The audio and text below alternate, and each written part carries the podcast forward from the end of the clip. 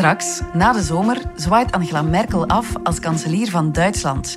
Niet alleen was zij 16 jaar lang de leidster van Duitsland, als politiek zwaargewicht was ook in hoge mate de leidster van de Europese Unie. Wie gaat haar opvolgen eind september? En welke rol zal Duitsland dan nog spelen in de wereld? Het is dinsdag 11 mei. Ik ben Lise Bonduel en dit is Vandaag, de dagelijkse podcast van de Standaard.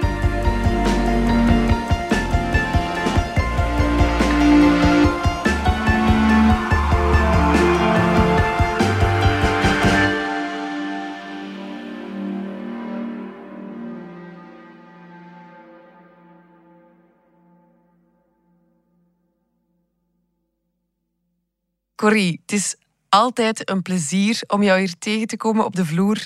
Maar binnenkort gaat dat dus niet meer kunnen, want jij verhuist naar Duitsland. Waarom? Omdat het dit jaar een ongelooflijk belangrijk jaar wordt voor Duitsland. Angela Merkel, de kanselier, gaat uh, weg. Dus er gaat politiek enorm veel gebeuren. Het heet in Duitsland het Superwahljahr. Dus uh, ja, het wordt, uh, het wordt heel boeiend. Ja, ja, ja. ja, de schijnwerpers staan inderdaad op Duitsland gericht de komende tijd. Zolang als ik me bewust kan herinneren, is Angela Merkel Bondskanselier van Duitsland. Lassen Sie mich zum Schluss noch etwas Persönliches sagen.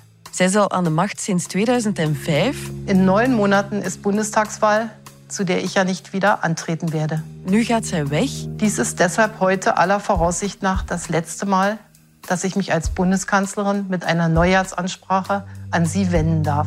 Wat brengt dat eigenlijk teweeg in Duitsland? Uh, ik, ik denk nogal flink wat emoties. Uh, net zoals jij, er, er, is een generatie opgegroeid die eigenlijk nooit iemand anders als vrouw Merkel als kanselier heeft gehad. Dus het is, het is een beetje een zwart gat natuurlijk wat daarachter gaat gebeuren. En, en um, op dit moment is er zo niemand die uh, binnen de partij die uh, groot genoeg is om in, in haar schoenen te stappen. Dus het is mm -hmm. heel onzeker en heel boeiend omdat Duitsland zo'n belangrijk land is, is het ook heel belangrijk wie de nieuwe kanselier gaat worden. En dus ja, alles wat er nu politiek beweegt, dat wordt overal breed uitgesmeerd in de kranten. Want ja, het gaat wel over de toekomst van, van uh, ja, een enorm groot land in Europa natuurlijk. Ja, ja, het is een enorm groot land, maar wij volgen Duitsland eigenlijk niet zo nauw. Hè? We zijn veel meer gefocust op Groot-Brittannië en de Verenigde Staten. Ja, dat is raar. Uh, ik heb dat ook altijd uh, gemerkt, dat wij veel meer uh, naar, naar de Angelsaksen kijken. Terwijl het, het is een buurland van ons en, en het gelijkt wel op ons. In die zin is het eigenlijk dichter bij ons, denk ik, dan ook, ook mentaal. Alleen hebben we dat niet door dan, dan Amerika of, of, of Engeland. Dus we kunnen maar beter gaan kijken, net zoals in Nederland, van, van hoe dat zij een aantal dingen aanpakken. Want zij worstelen met dezelfde problemen als, als wij. En zij hebben min of meer dezelfde cultuur als wij. Mm -hmm. En Angela Merkel gaat weg. Wat voor Duitsland laat zij achter?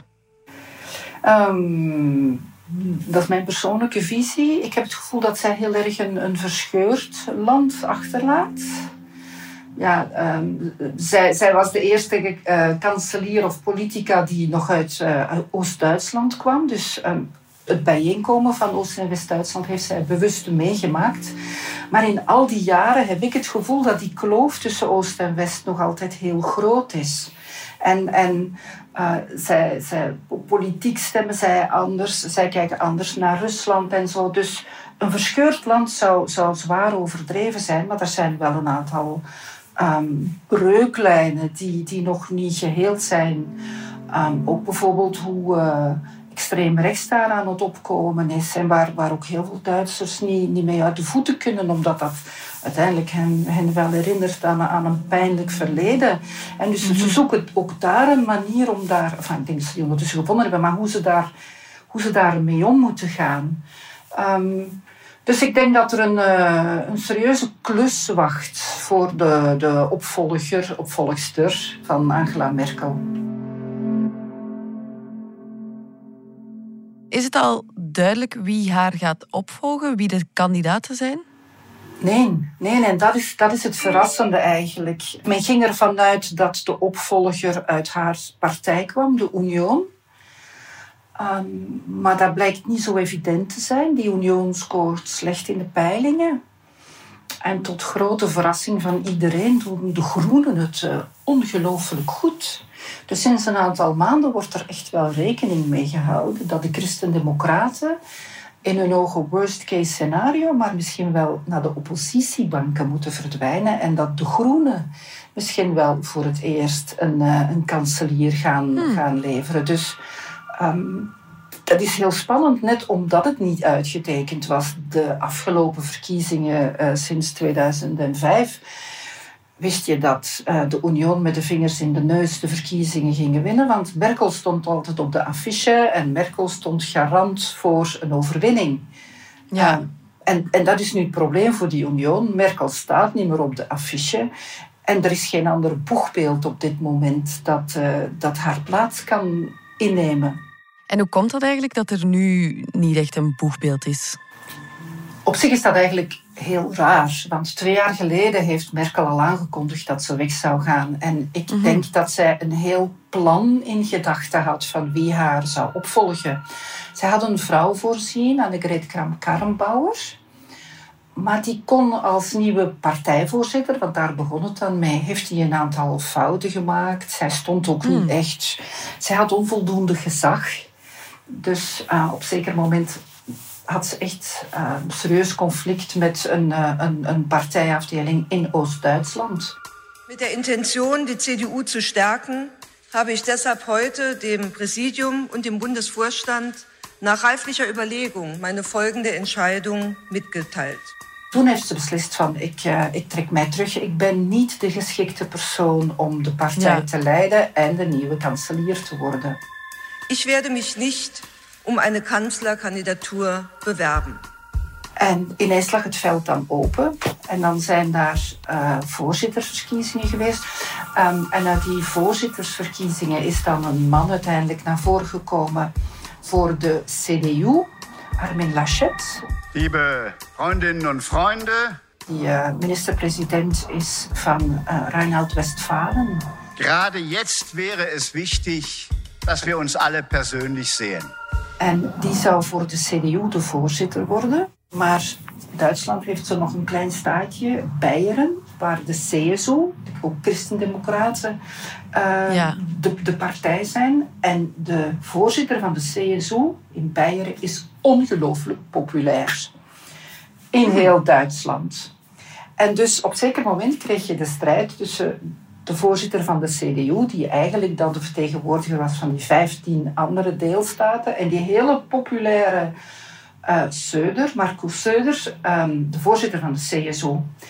En die heeft paar weken geleden ineens gezegd, misschien wil ik wel het boegbeeld worden voor de verkiezingen. Ja, meine sehr verehrten Damen und Herren, jetzt erneut noch einmal eine Information nach heute Morgen. Dus dan is daar dagenlang pikkelharde strijd gevoerd tussen de twee haantjes, heb ik zelf geschreven. Ja. Uh, en uiteindelijk heeft Söder, de man uit Beieren, zich teruggetrokken en heeft gezegd aan, aan de anderen van the floor is yours en ik zal je helpen. Zum einen haben wir nochmal klargemacht, dass wir einen gemeinsamen Wahlkampf führen wollen.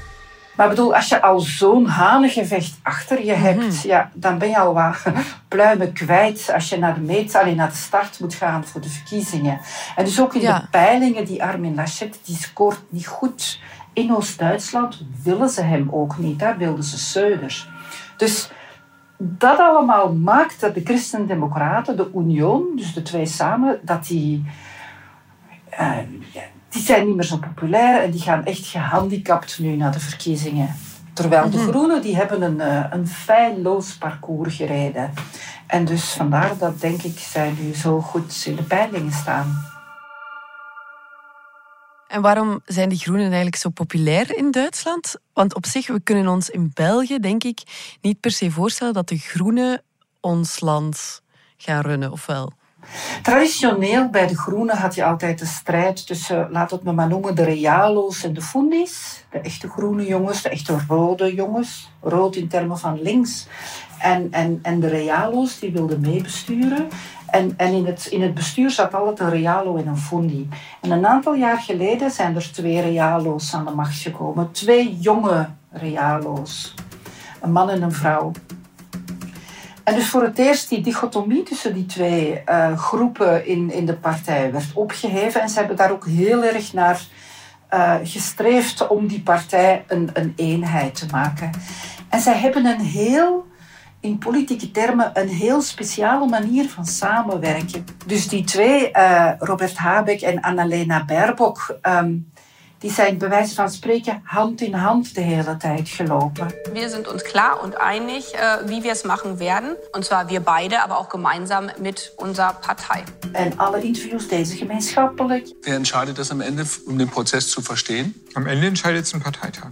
Ze lieten ruimte voor elkaar, ze mochten alle twee scoren. Dat was een perfect draaiend team. En dan zag je daarnaast die twee haantjes die aan het vechten waren bij de Christen-Democraten. Terwijl de Groenen, dat was een voorbeeld van hoe je moet samenwerken op politiek vlak. En uiteindelijk ja. heeft dan de Annalena werd hoe langer hoe populairder in, in peilingen en zij kwam meer in talkshows en zo, omdat zij gewoon heel goed is. Mm -hmm. um, en dan uh, hebben ze onder hun getwee beslist van oké okay, Annalena, jij mag gaan. Ich werde mein Bestes geben und ich möchte meinem Landesverband aus Brandenburg ganz, ganz herzlich danken. En dus dan zegt Robert Habeck, ik, ik doe wel een stapje achteruit, want voor de partij ga jij meer kans maken dan ik. Dat is een nieuwe, frisse cultuur die de Groenen brengen. Bovendien, het zijn realo's, dus uh, waar vroeger altijd werd gezegd dat de Groene Partij de partij was van het opgeheven vingertje van je mag dat niet doen... Uh, dat is nu veel minder. Nu zeggen ze de overheid moet een aantal structuren maken, moet de mensen zo begeleiden opdat zij de juiste keuzes maken. Maar ze moeten nog wel kunnen kiezen. Dus, dus die verbodspartij, wat ze vroeger altijd genoemd werden, van dat imago willen ze ook vanaf. En dan, ja, wat daar zeker bij komt, het zijn twee jonge, heel aantrekkelijke mensen. Habeck is vooraan in de 50, Annalena is vooraan in de 40. En dus je gaat het niet opnemen tegen uh, een 60-jarige man die al eeuwenlang, allee, jarenlang meeloopt in de politiek. Um, zij gaat ook de enige vrouw zijn tussen allemaal grijze pakken. Dus er wordt heel veel van haar verwacht. En ik, ik hoor ook van mensen die, uh, van politologen, dat ze denken dat nogal wat christendemocratische vrouwen, die normaal voor Merkel gestemd hebben, dat die het zo wel gehad hebben met die twee mannen en dat die wel eens allemaal voor Annalena zouden kunnen gaan stemmen. Dus als dat klopt, dan is de kans, bestaat de kans wel dat er een, een, een groene vrouwelijke kanselier gaat komen in Duitsland. Ja. En stel nu ja, dat zij het wordt, dat, uh, dat Annalena het wordt, waarom is dat ook wel een gewaagde keuze? Uh, ja, mensen die een beetje kritisch tegenover haar staan, die zeggen ze heeft geen beleidservaring. En dan is haar cliché altijd dat Obama dat ook niet had. dus ja, ze, ze heeft nooit uh, een, een, ministeriële functie gehad. Uh, haar, haar mannelijke tegenvoerder, Habeck wel, die is in een deelstaat, is die een tijd minister van Milieu en, Landbouw geweest. En daar heeft hij eigenlijk al getoond hoe, hoe goed dat hij kon samenwerken en hoe die water en vuur kon verzoenen om tot een oplossing te komen. Dus men is een beetje, men, men, men verwijt haar een beetje dat ze te weinig uh, beleidservaring heeft. Um, maar voor de rest, er wordt van haar gezegd dat ze heel luisterbereid is, heel kritisch is voor zichzelf, heel erg open staat voor mensen die tegen haar zeggen: Dit heb je niet goed gedaan. Dus ja, het, uh, het, het, het gaat wel een nieuwe wind als zij het worden, een nieuwe wind in, in, in Duitsland brengen. En dan Duitsland is zo'n groot land met zo'n mhm. belangrijke auto-industrie ook. Autostrades, daar mag je 200 rijden. Duitsland is al wel een pak groener geworden, maar mocht er een groene kanselier zijn, dan gaat dat waarschijnlijk nog uh, in een versnelling hoger gaan. Hè?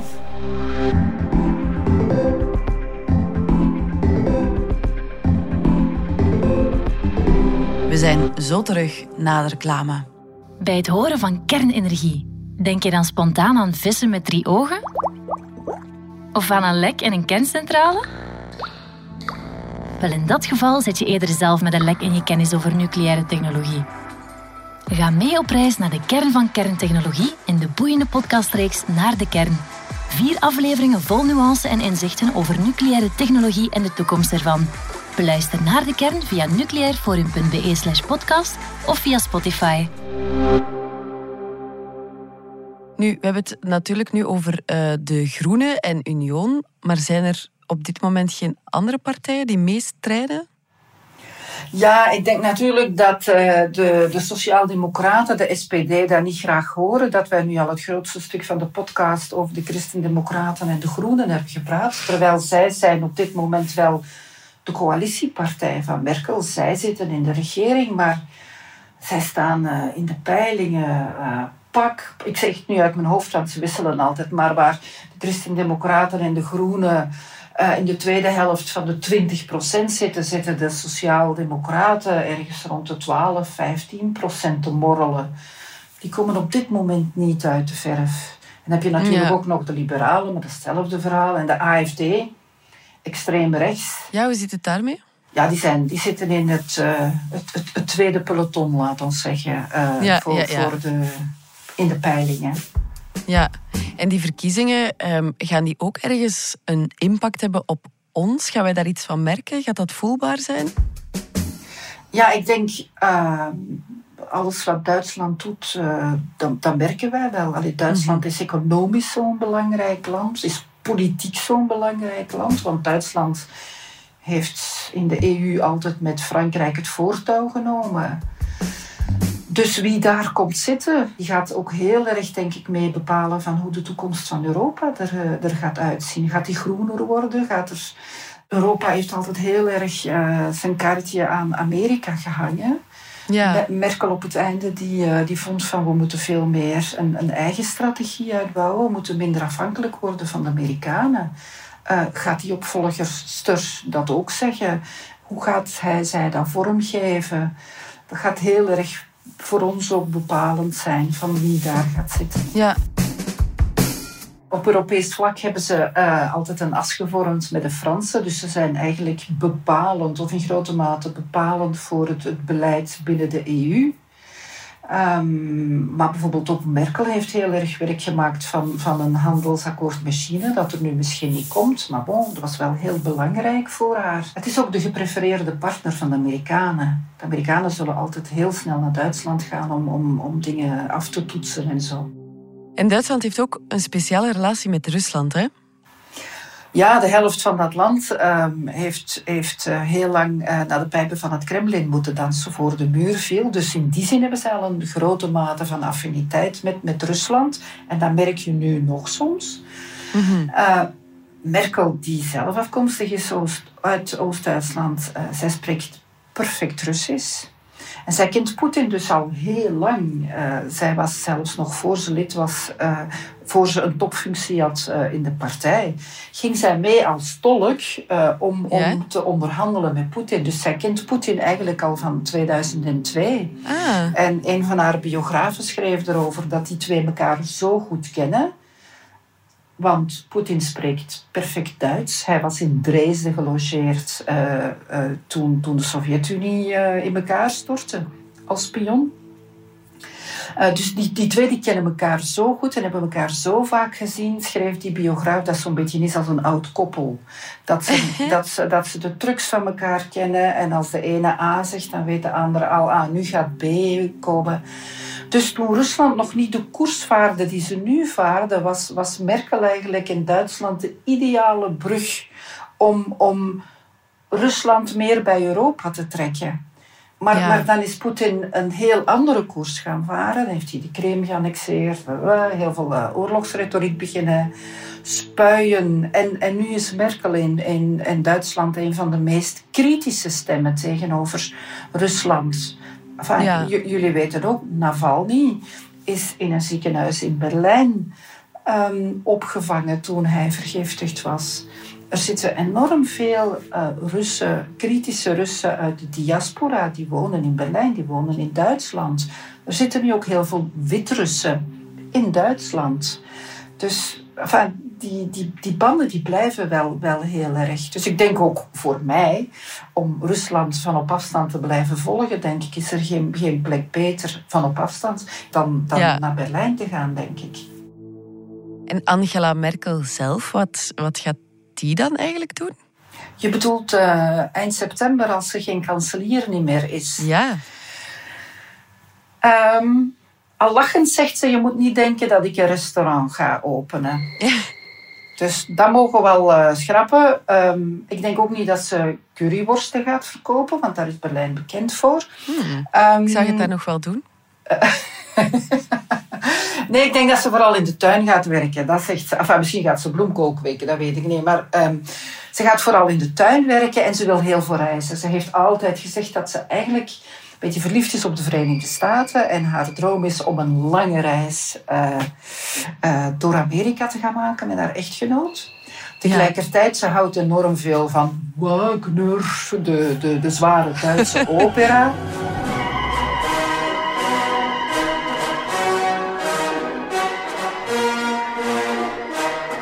Dus ze is ook van plan om, uh, om met haar man, met wie ze blijkbaar uh, de liefde voor de klassieke muziek deelt en de zware opera's, uh, om veel meer cultuur te gaan, te gaan meepikken. Ja. Er, er, zijn wel mensen die zeggen, ah, zij is zo met politiek bezig. Die kunnen zich niet voorstellen dat zij alleen nog maar met haar handjes in de aarde gaat vroeten en s'avonds naar een concert zal gaan. Die denken mm -hmm. van, die gaat zich wel in een of andere organisatie engageren voor vrouwenrechten, voor vluchtelingen, weet ik het. Uh, er zijn sommigen die zeggen we gaan nog wel van haar horen, maar dan niet meer in een echt politieke functie. Ja, ja, ja. En je gaat toch niet alleen uh, de politiek in Berlijn volgen? Nee, enfin, dat zal heel boeiend zijn.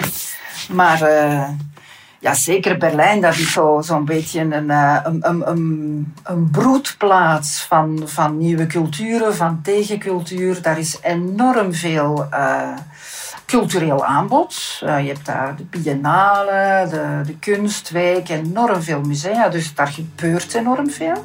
Dus mm -hmm. dat is fijn. Tegelijkertijd, um, van Berlijn wordt vaak gezegd dat is Duitsland niet. Berlijners is een, een ander ras. Ja. um, heel, heel uh, open, heel cosmopolitisch, heel dwars, heel uh, eigenzinnig. Um, ik heb zo'n beetje het beeld dat dat het Amsterdam van, van Duitsland is. Je mag met pluimen ja. op je hoed over straat lopen. Er gaat geen mens uh, na, naar je omkijken. En ze zijn heel mondig, ze staan op hun rechten. Dus je ziet ook dat daar um, bijvoorbeeld de mietendekkel is daar nu onlangs, is afgeschaft, maar ingevoerd. Dat was gewoon dat men vond dat de, de, de huurprijzen te hoog waren. En men heeft gewoon gezegd, een huurprijs mag niet meer dan dit zijn. Ja. Um, dus, dus ze pakken daar ook wel problemen aan die wij allemaal wel kennen, maar daar, daar gaan ze dan mee aan de slag. Er is nu een groep Berlijners die van plan is um, om actie te voeren, zodat de grote vastgoedmakelaars gewoon ontdeigend gaan worden.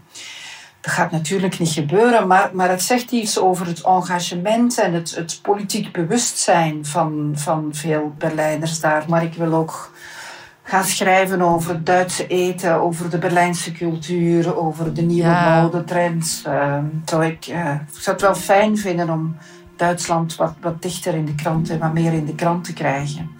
Ja, zodat we ook een beetje allemaal samen op reis zijn met jou in Berlijn. We gaan hoe dan ook van je horen, al is het op afstand.